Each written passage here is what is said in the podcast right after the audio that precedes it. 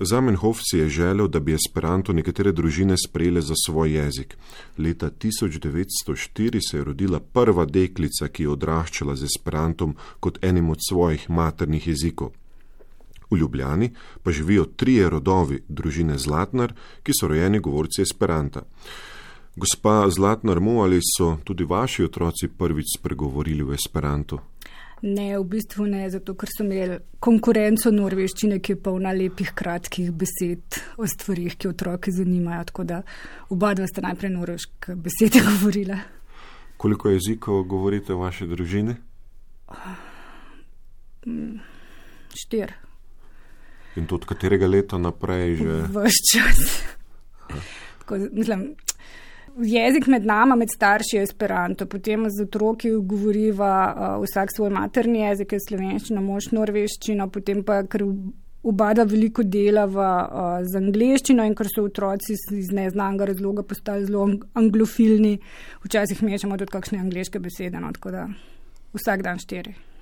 Kdaj je pa bilo vaše prvo srečanje oziroma vaše prve besede v esperantu? Pojma nimam. Ne vem, kaj sem bila majhna pa ne vem, najbrž je bila prva beseda nos, ta, to se saj spomnim, da, da sem zelo zgodaj že govorila. Pa spomnim se babice, ki mi je kazala svoj nos, pa je govorila nazo, tako da sem morala biti precej majhna. Esperanto je eden izmed vaših maternih jezikov. Eden izmed jezikov. mojih maternih jezikov, druge je seveda slovenščina. Mhm. Kako pa to, da so se vaši predniki, torej kar trije rodovi, tako navdušili nad Esperantom? Pa, moj praded, pa moj ded sta bila navdušena nad vsem, kar je vem, promoviral delovske pravice, mednarodno sodelovanje, mednarodni mir in tako naprej. Tako da ona dva sta šla v 30 letih na tečaj v Ljubljani skupaj. Potem preostanek rodov je pa pač, so bomo pa materni govorci, nas ni noben nač vprašal. tako da mi smo se, usta, moj oče pa jaz pa moji otroci smo se doma učili. Torej je bil tisti prvi razlog za to, da so se vaš pradedek odločil za Esperanto, nek idealistični. Absolutno, ja, moj praded je bil take vrste človek, ne samo glede Esperanta, tudi ne vem. Je šel v Rusijo, ko je bila tam oktobrska revolucija, pa sodeloval je pri odporu proti Italijanom in tako naprej. Tako da, ja.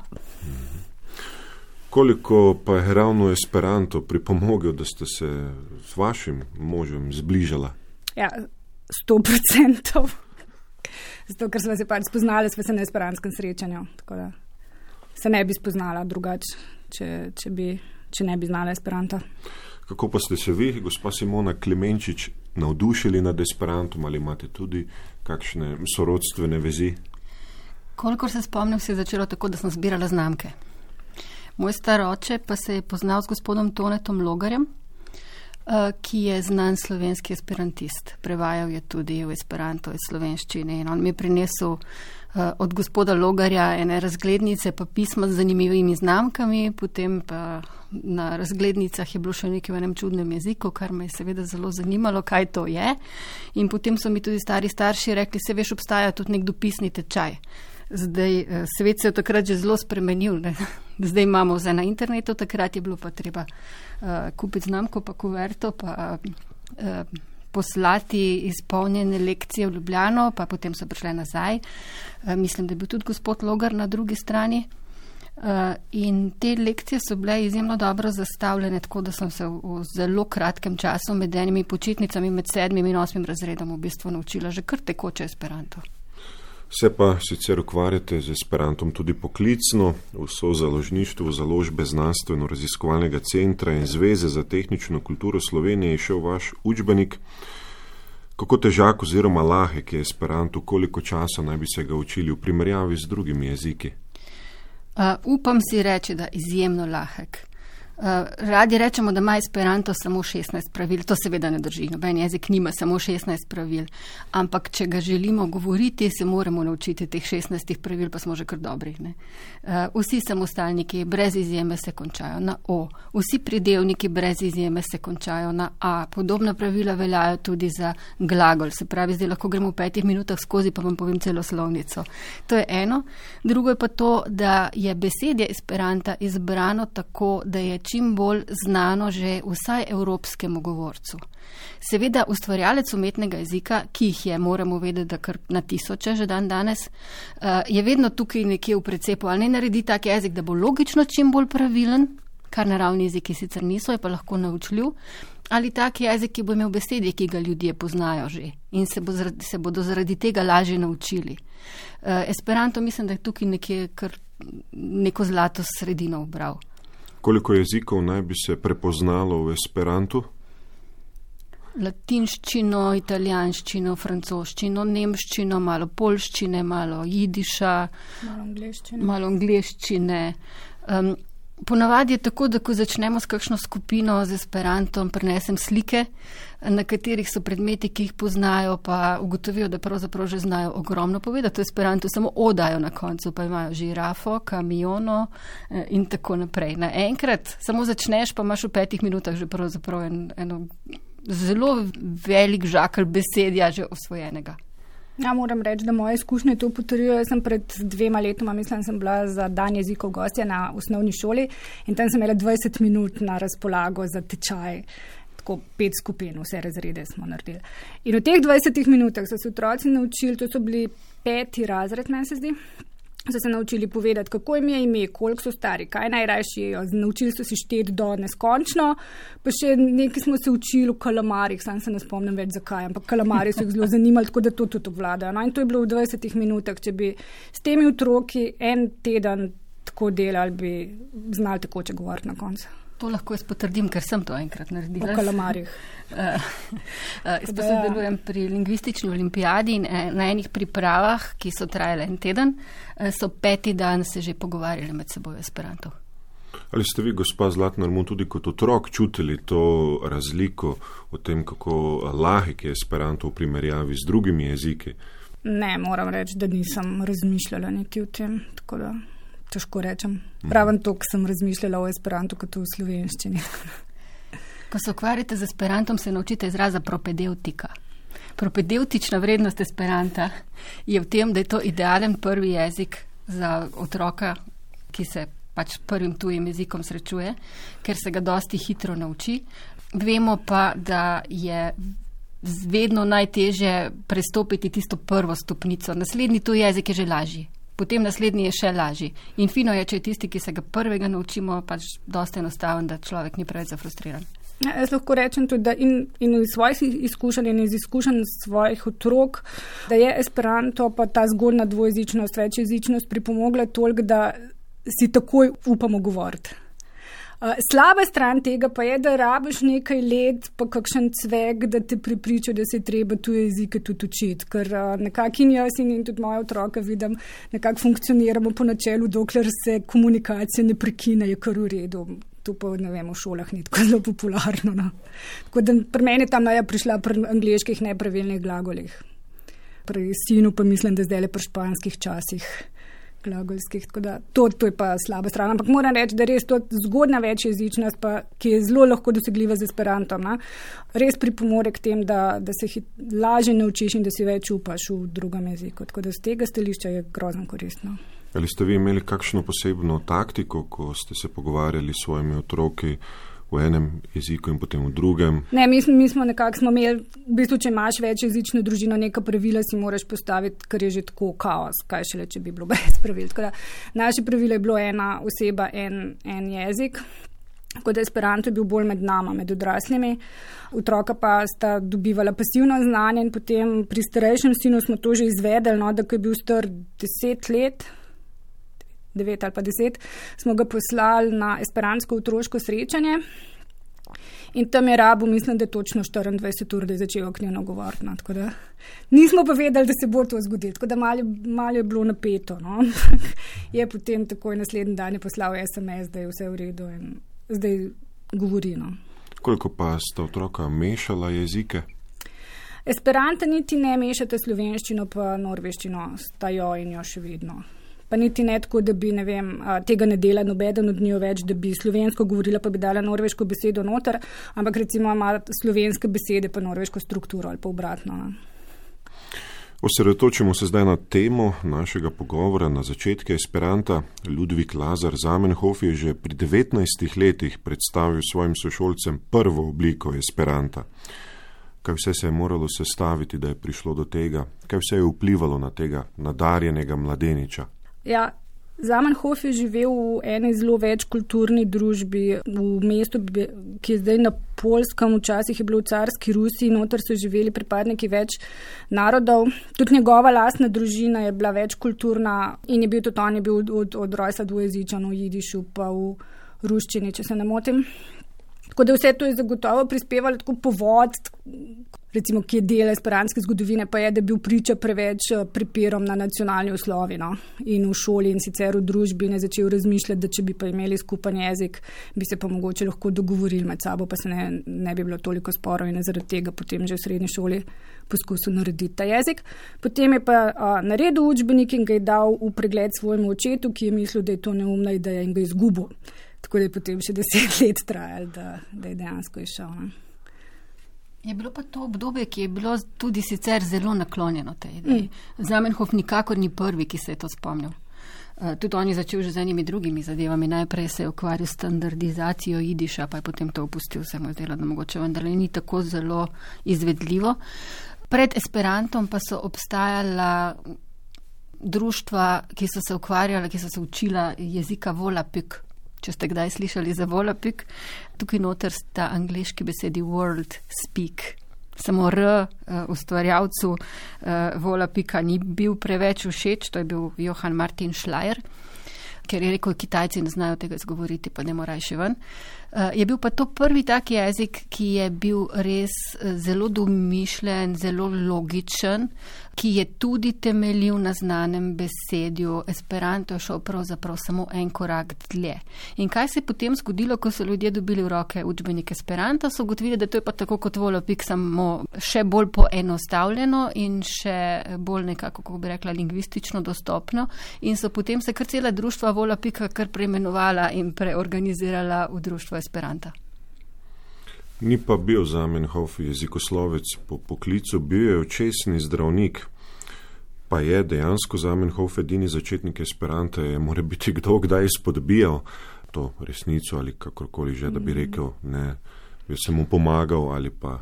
Ne, je bilo pa več drugih takih poskusov. Tudi mi smo imeli. Pater Škrabec recimo je imel neko svojo različico, Eulalijo je pa imenoval. Eh, potem smo imeli gloso, eh, potem interlinguo occidental v različnih obdobjih sicer, ampak um, svet je poln avtorjev, še dan danes seveda, ki ustvarjajo no, vedno nove umetne jezike. Najnovejši zdaj vse slovanski. Ne? Pa niti ni tako zelo nov. Ni od prejšnjega tedna. Ampak kot študentka sem že imela v rokah eno knjigo, ki je bila zelo rumena in je bila tudi moj slaviše šprahe. Kaj bi pa jaz povedala? Um, Zavnhov sicer je bil zdravnik, ni bil jezikoslovec, ampak njegov oče je bil učitelj jezikov. Ne? In kot rečeno, tudi Zavnhov je bil večjezičen. Ne samo dvojezičen, večjezičen je bil, tako da je imel več kot dovolj izkušenj za delati umeten jezik v primeri s tem, kdo vse jih dela. Ni pa se Esperanto od začetka imenoval Esperanto, to je šele postal pozneje po Zamenhofovem pseudonimu Doktor Esperanto, kar v prevodu pomeni doktor upajoči. Zamenhof je bil idealist. V kolikšni meri je Esperanto tesno povezan z idealizmom, oziroma ali je idealizem eden izmed osrednjih razlogov za uspešnost njegovega širjenja?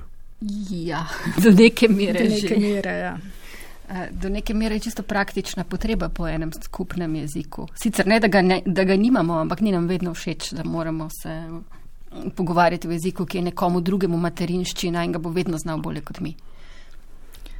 Delno je to, delno pa mislim, da je en razlog uspeha Esperanta, je, da ima zelo živo in kulturo, ki se razvija naprej. Tako da en del ljudi sicer ve za te idealistične cilje Esperanta, ampak to jim ni prioriteta. Se naučijo Esperanta in potem živijo v esperantski skupnosti, zato ker je pač živa skupnost z, z kulturo, z medsebojnimi odnosi, z, z družinami in tako naprej. No.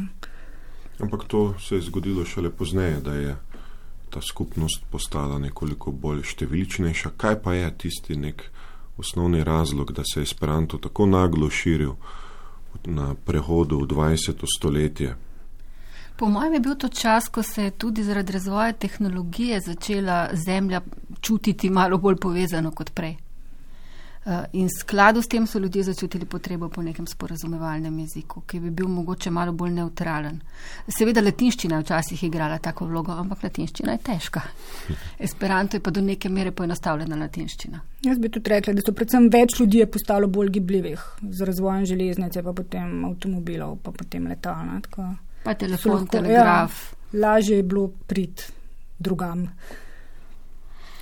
S kakšnimi taktikami pa so širili Esperanto v njegovih začetkih, kaj se je izkazalo za najbolj plodovito oziroma se še vedno eh, izkazuje? Če bi, naprimer, eh, vidve želeli prepričati koga eh, naj se odloči za Esperanto, kako bi ga prepričali? No, kako prepričuješ ljudi? Pravzaprav ne bi nikogar prepričevali, ja. to, kogar to zanima, kogar zanimajo jeziki, sam pride do Esperanta. To ravno pri lingvistični olimpijadi vidimo, ko pridajo mladi iz vsega sveta, ki znajo en kup jezikov in večina se je mimo grede naučila še Esperanta. Jaz mislim, da je manjši problem prepričati ljudi, da se ga naučijo, kot da ga potem ohranjajo in, in se vključijo v življenje esperantsko. Ob izbruhu Prve svetovne vojne pa je bil Esperanto že prisoten na vseh celinah. Potem, ko se je naglo širil, pa so ga začeli tudi zatirati. Kje so ga zatirali in zakaj? Nemčija, Rusija.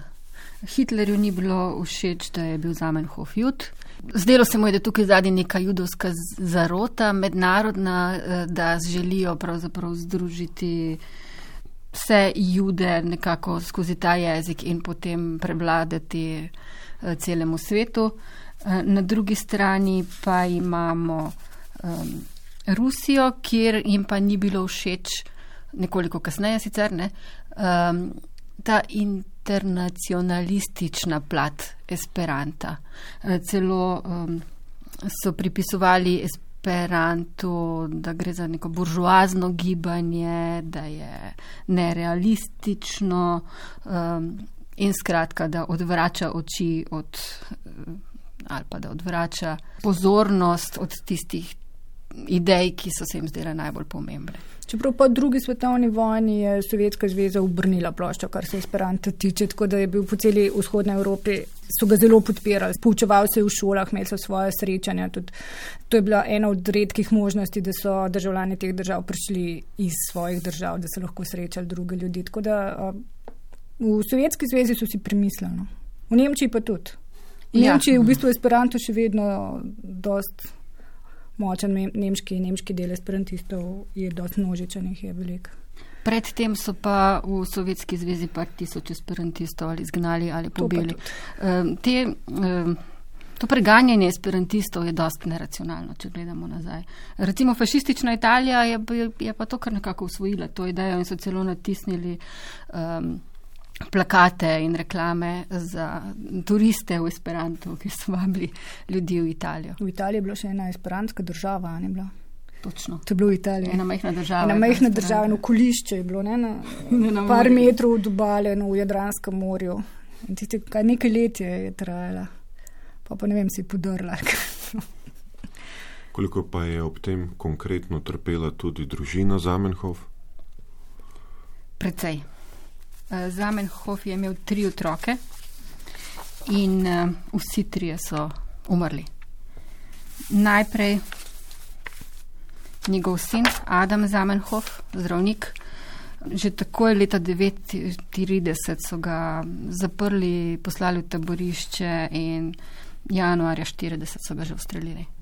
Potem eh, njegova sestra Zofija Zamenhof eh, je umrla v Treblinki leta 1942, tudi zdravnica.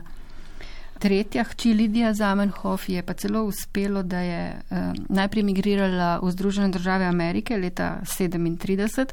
Tam se je ukvarjala med drugim tudi s promocijo Esperanta, zaradi česar ji potem niso podaljšali vize. So rekli, da, delo, da je nelegalno delala in so jo poslali nazaj. Znašla se je v Varšavskem getu, kjer so jo aretirali in potem so ubili tudi njo enkrat leta 1942 v uh, Treblinki, točno se pa ne ve kdaj. Tako da preživel je, kolikor vem, samo vnuk Kšeštof. cenjen gost na vseh esperantskih kongresih. Jaz se ga še spomnim, ker je enkrat prišel, sam se ne spomnim na katerem kongresu, ampak on je potem ustal v stiku z esperantskim gibanjem. No. Esperanto pa je imel ob začetkih konkurenco tudi v projektu IDO, ki je imel strokovno podporo. Zakaj ni uspel za razliko od Esperanta? Vse ima tudi Esperanto strokovno podporo. Ja, spet gre za tisto um, večno vprašanje, kaj je zdaj. Ali bo še narediti tak jezik, ki je kar se da logičen, ali tak jezik, ki je kar se da razumljiv že na samem začetku in kar se da naraven. Da pa če je razumljiv in naraven komu. Ido je ponudil nekaj zelo do dobrih rešitev, ki bi jih človek pravzaprav tudi Esperanto rad videl. Uh, po drugi strani se pa skoraj malo preveč približuje nekaterim romanskim jezikom, italijanščini in španščini. Uh, pa si človek potem reče, če je pa že tako, se pa reč naučim špansko.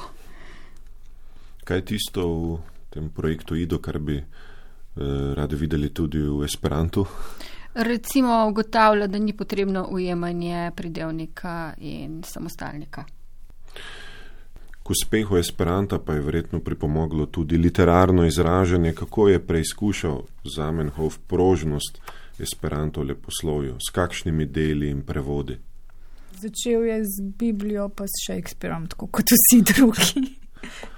Ne vsi drugi, klingonščina, mislim, da niste. Ne, ne, ne, ne, ne mislim na umetne jezike. Vsi, tudi nacionalni jeziki, večinoma začnejo z Biblijo, potem pa presle pridejo do Shakespearea. To je zelo podoben razvoj v naravnih jezikih. No. Kaj pa je prevedeno iz slovenskega jezika v Esperanto? O kar nekaj. Imamo recimo uh, sonetni venec, gospod Logar ga je prevedel zelo dobro, potem pa dober dob, Eh, pa Kosovelove pesmi, pa Hiša Marije pomočnice, pa še en kup stvari. Eh, Zdravljica je tudi. Zdravljica, seveda. Slovenščina je kar lepo predstavljena esperantski skupnosti. Pa uh, pesem Trzinka. To je prevedel moj oče, tako da tudi v popularni kulturi smo nekaj prispevali. Aj boš zapela? Ne. chiama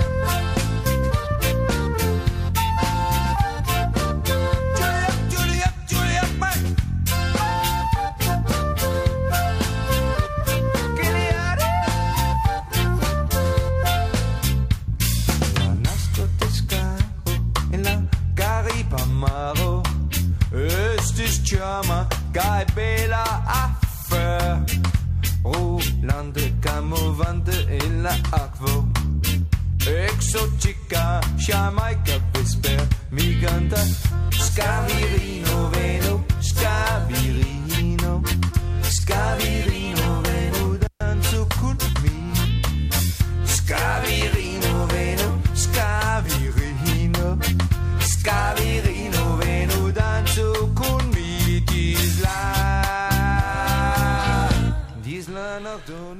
Nekakšna neformalna himna Esperanta pa je La Bamba. Zakaj? Bog ve. Um, to, to se je začelo na mladinskih kongresih, to so mladinske srečanja za mlade od recimo 16 let pa tja do 30, ki se vsako leto so, so organizirana v času um, splošnega kongresa za odrasle, kakšen teden prej, kakšen teden pozneje, običajno v isti državi, če se pa mladim zdi, da je ta država ali predraga ali preveč nedostopna, potem pa grejo po svoje. In nekje v začetku 80-ih so začeli plesati labambo, nihče ne ve, zakaj, kdo se je tega spomnil. Ampak od takrat naprej nekako. Um, Na, je na vsakem esperanskem srečanju treba plesati v krogu to bambo, in in eden je na sredini, in potem, ko ima dost, gre k nekomu v krogu in se objamete in se izmenjate. In ker so potem tisti mladi, ki so s tem začeli vmes, postali manj mladi, se to razširili še na druga. Um, Na druga esperanska srečanja, in ker so vmes umislili družine, se je to razširilo še na otroška in družinska srečanja. Tako da zaradi tega je predvsem pač tak ples, kjer se družiš, je skupinski ples, moraš se spoznati, moraš imeti dosti um, tesne stike, če si v krogu. Tako da, ja, nekako uteleša vse, zaradi česar je mogoče fino biti esperantist. Potem je pa še ena neuradna himna, to je pa sola. E, ta je mogoče malo bolj taka resna, pa zato, ko že malo več spijajo. Sola pomeni sam. Se pravi, najprej se je počutil sam, sam, sam, potem je šel pa na kongres, potem pa ni bil več sam, sam, sam in to se poje vsaj pet minut. Ja, to je zelo taka dolga pesem, to je eh, danska pesem in je nekako v tistem stilu danskih, eh, nordijskih sag, dolg traja, da kaj povejo. in je nekako pisane tiste pot, kako sedi tam ob cesti in daš pada na njega in je vas sam in noben ga noče pobrati v avto in potem pride na ta kongres in ni več sam in potem gre domov z kongresa in je že spet sam in potem se spomni, kako se je imel fajn in spet ni več sam. Da, to je v bistvu iz izgub obdobja, kad ta običaj zlabamo. No. Takrat se je nekako um, je prišlo do nekega takega zgoščenega razvoja v esperanski popkulturi. V začetku 80-ih je ena tako močna generacija prišla glasbenikov, pa uh, tudi pesniki so bili, tako da se je takrat to začelo. Govori pa ta pesem o tem, da če bi vsi ljudje govorili uh, isti jezik, potem bi bili vsi bratje in sestre in vsi bi se imeli radi in bi bil mir na svetu. In nihče ne bi bil sam, sam, sam. Ja, uh, je pa ta ideja najuna. Kot Ampak vemo. zelo priljubljena. Zelo. Je pa to tudi eden razlog, zakaj se, eh, za to, zakaj se Esperanto ne tako zelo razširi, kot bi se lahko, se mi zdi. Zaradi tega, ker ko pridejo esperantisti, pa začnejo razlagati ta jezik zelo uh, praktičen za mednarodno sporazumevanje, razen tega se bomo imeli pa vsi radi, ko bomo vsi govorili isti jezik, potem politiki nehajo poslušati in to je škoda. Prej smo govorili o prevajanju v Esperanto, koliko pa se dejansko tudi ustvarja v Esperantu. Prevodov je več, ker ljudje um, iz različnih jezikovnih skupnosti pač čutijo potrebo, da svojo literaturo promovirajo med drugimi in prevajajo najpomembnejše dele vsak svoje literature v Esperanto. Medtem, um, ko je tisto, kar se pa originalno ustvarja v Esperantu, je pa manj ljudi in verjetno med drugim tudi zato, ker jim je teži pa v bistvu nimajo niti podpore svojih izhodiščnih držav, ne, ki promovirajo uh, prevajanje literature v tuje jezike, ampak ne, podpirajo pa ustvarjanja v Esperanto, ne, tako da je tudi z finančnega stališča težje v bistvu. Ampak um, esperansko gibanje zelo, zelo podpira to ustvarjanje originalno v Esperanto z raznimi natečaji, pa tekmovanji in tako naprej. Tako da nekaj je in je ta, to, to jedro je živo še vedno. Ne, in tudi uh, žanrsko je dost, imamo romane, imamo poezijo, imamo kratke zgodbe, ne vem kako smo z dramami. Drame tudi imamo. Stripe imamo, nimamo filmov. Imamo. Ma, Veliko bo- nimamo veliko filmov, Ja, nimamo veliko dobrih filmov.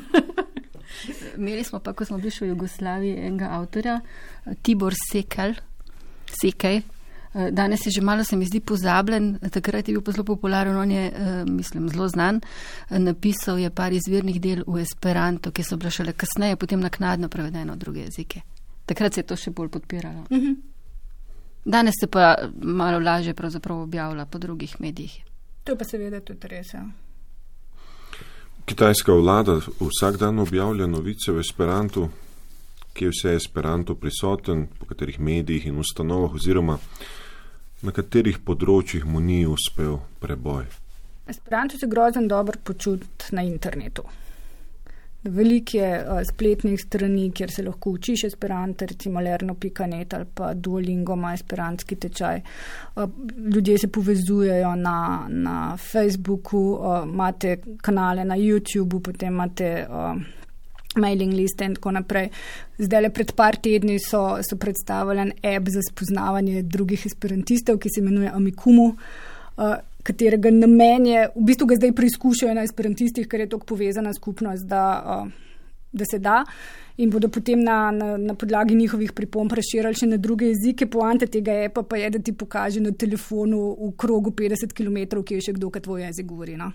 In začeli bojo z esperantom, potem bojo pa razširili še na angliščino, španščino, nemščino in tako naprej. Tako da na, na internetu je esperant zelo srečen. V uradnih ustanovah pa mal manj. Če se ne motim, ima Wikipedija v Esperantu več Wikipedija, eh, ja. člankov kot slovenska. ja. Ampak tudi jih Wikipedija vola, pika ima več člankov kot slovenska. Kaj to pomeni pravzaprav? ne. Več pove o slovenski Wikipediji kot o esperantski. Koliko pa je na univerzah prisoten, na mačarski univerzi sicer je, Tam je, pri nas smo pa imeli, potem so nam pokinili. kakšen je bil pa razlog? To tudi mene zanima. A ni. Esperanto se ni uresničil kot pomožni drugi jezik za človeštvo, kar si je želel Zamenhof, del projekta. Ne še. Zdaj le ima priliko. Del projekta pa mu vsekakor je uspel, del mu more biti še bo. Upajmo. Sicer ima Ja. konkurenco v raznih dotrakiščinah, pa v velinskih jezikih, pa klingonščini. pa Ja, ampak zdaj ob, ob Brexitu se je um, pojavila peticija, da bi Esperanto končno postal uradni jezik Evropske unije. Kar sploh ni slaba ideja. Ni slaba ideja. Čeprav zdaj ob Brexitu bo tudi angliščina imela nekaj lastnosti, pač ne bo mat materinščina od nikogar. No. Tako da bo tudi angliščina bolj uporabna za ta namen. Esperanto kot jezik ima sicer določene pomankljivosti. Se mi zdi včasih, da mu vendarle manjka malo tega žmohta, ki ga imajo naravni jeziki. Uh, mi imamo za eno uh, realijo lahko deset različnih besed. Uh, Esperanto bo imel do tri. Po drugi strani pa kot jezik politike, kot jezik pravniških besedil ekonomije, pa mislim, da bi bil idealen. Prav zaradi ene pomenskosti, ker imaš toliko mal besed za eno stvar. No, tako da je zelo manj, manj prilik za napačno interpretacijo, za na, napačno razumevanje posameznih besed, besednih zvezd, besedil. Ali se kateri umetno tvorjeni jezik vsaj približno približal Esperantu? Ne. Ne, tudi jaz mislim, da ne. So, so umetni jeziki, ki imajo druge funkcije. Kot so ti, ki sem jih zdaj naštela, velinski jeziki, pa klingonščina. Recimo, zelo veliko ljudi govori klingonsko, s tem, da je to zelo težek jezik. Tudi, tudi vilinske jezike. tudi, tudi. Vladajo. Vse ponavadi, dosti krat so to isti ljudje, ki govorijo tudi Ja. esperanto, ampak tam je druga funkcija. Tam je funkcija druženje, Mm, predvsem in samo druženje. Druženje, nekako kako bi rekla, da se potopijo v nek fantazijski svet. Eh, Namen tistega jezika je drugačen. Namen Esperanta pa je realnost, Tako je. Recimo, ampak tudi z veliko mero idealizma. Pa naj bo. v redu. Spoštovani gosti, najlepša hvala za pogovor. Vdaj smo govorili o začetkih Esperanta. Gosti odaje sta bili Simona Klemenčič in Marija Zlatnar Mu. Za tehnično izvedbo odaje poskrbel Jrnej Boc, pogovor pa sem vodil Aleksandr Čobec. Hvala za pozornost in srečno.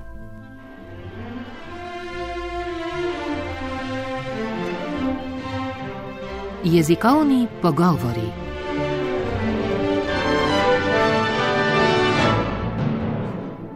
Oddaja o jeziku in jezikoslovju.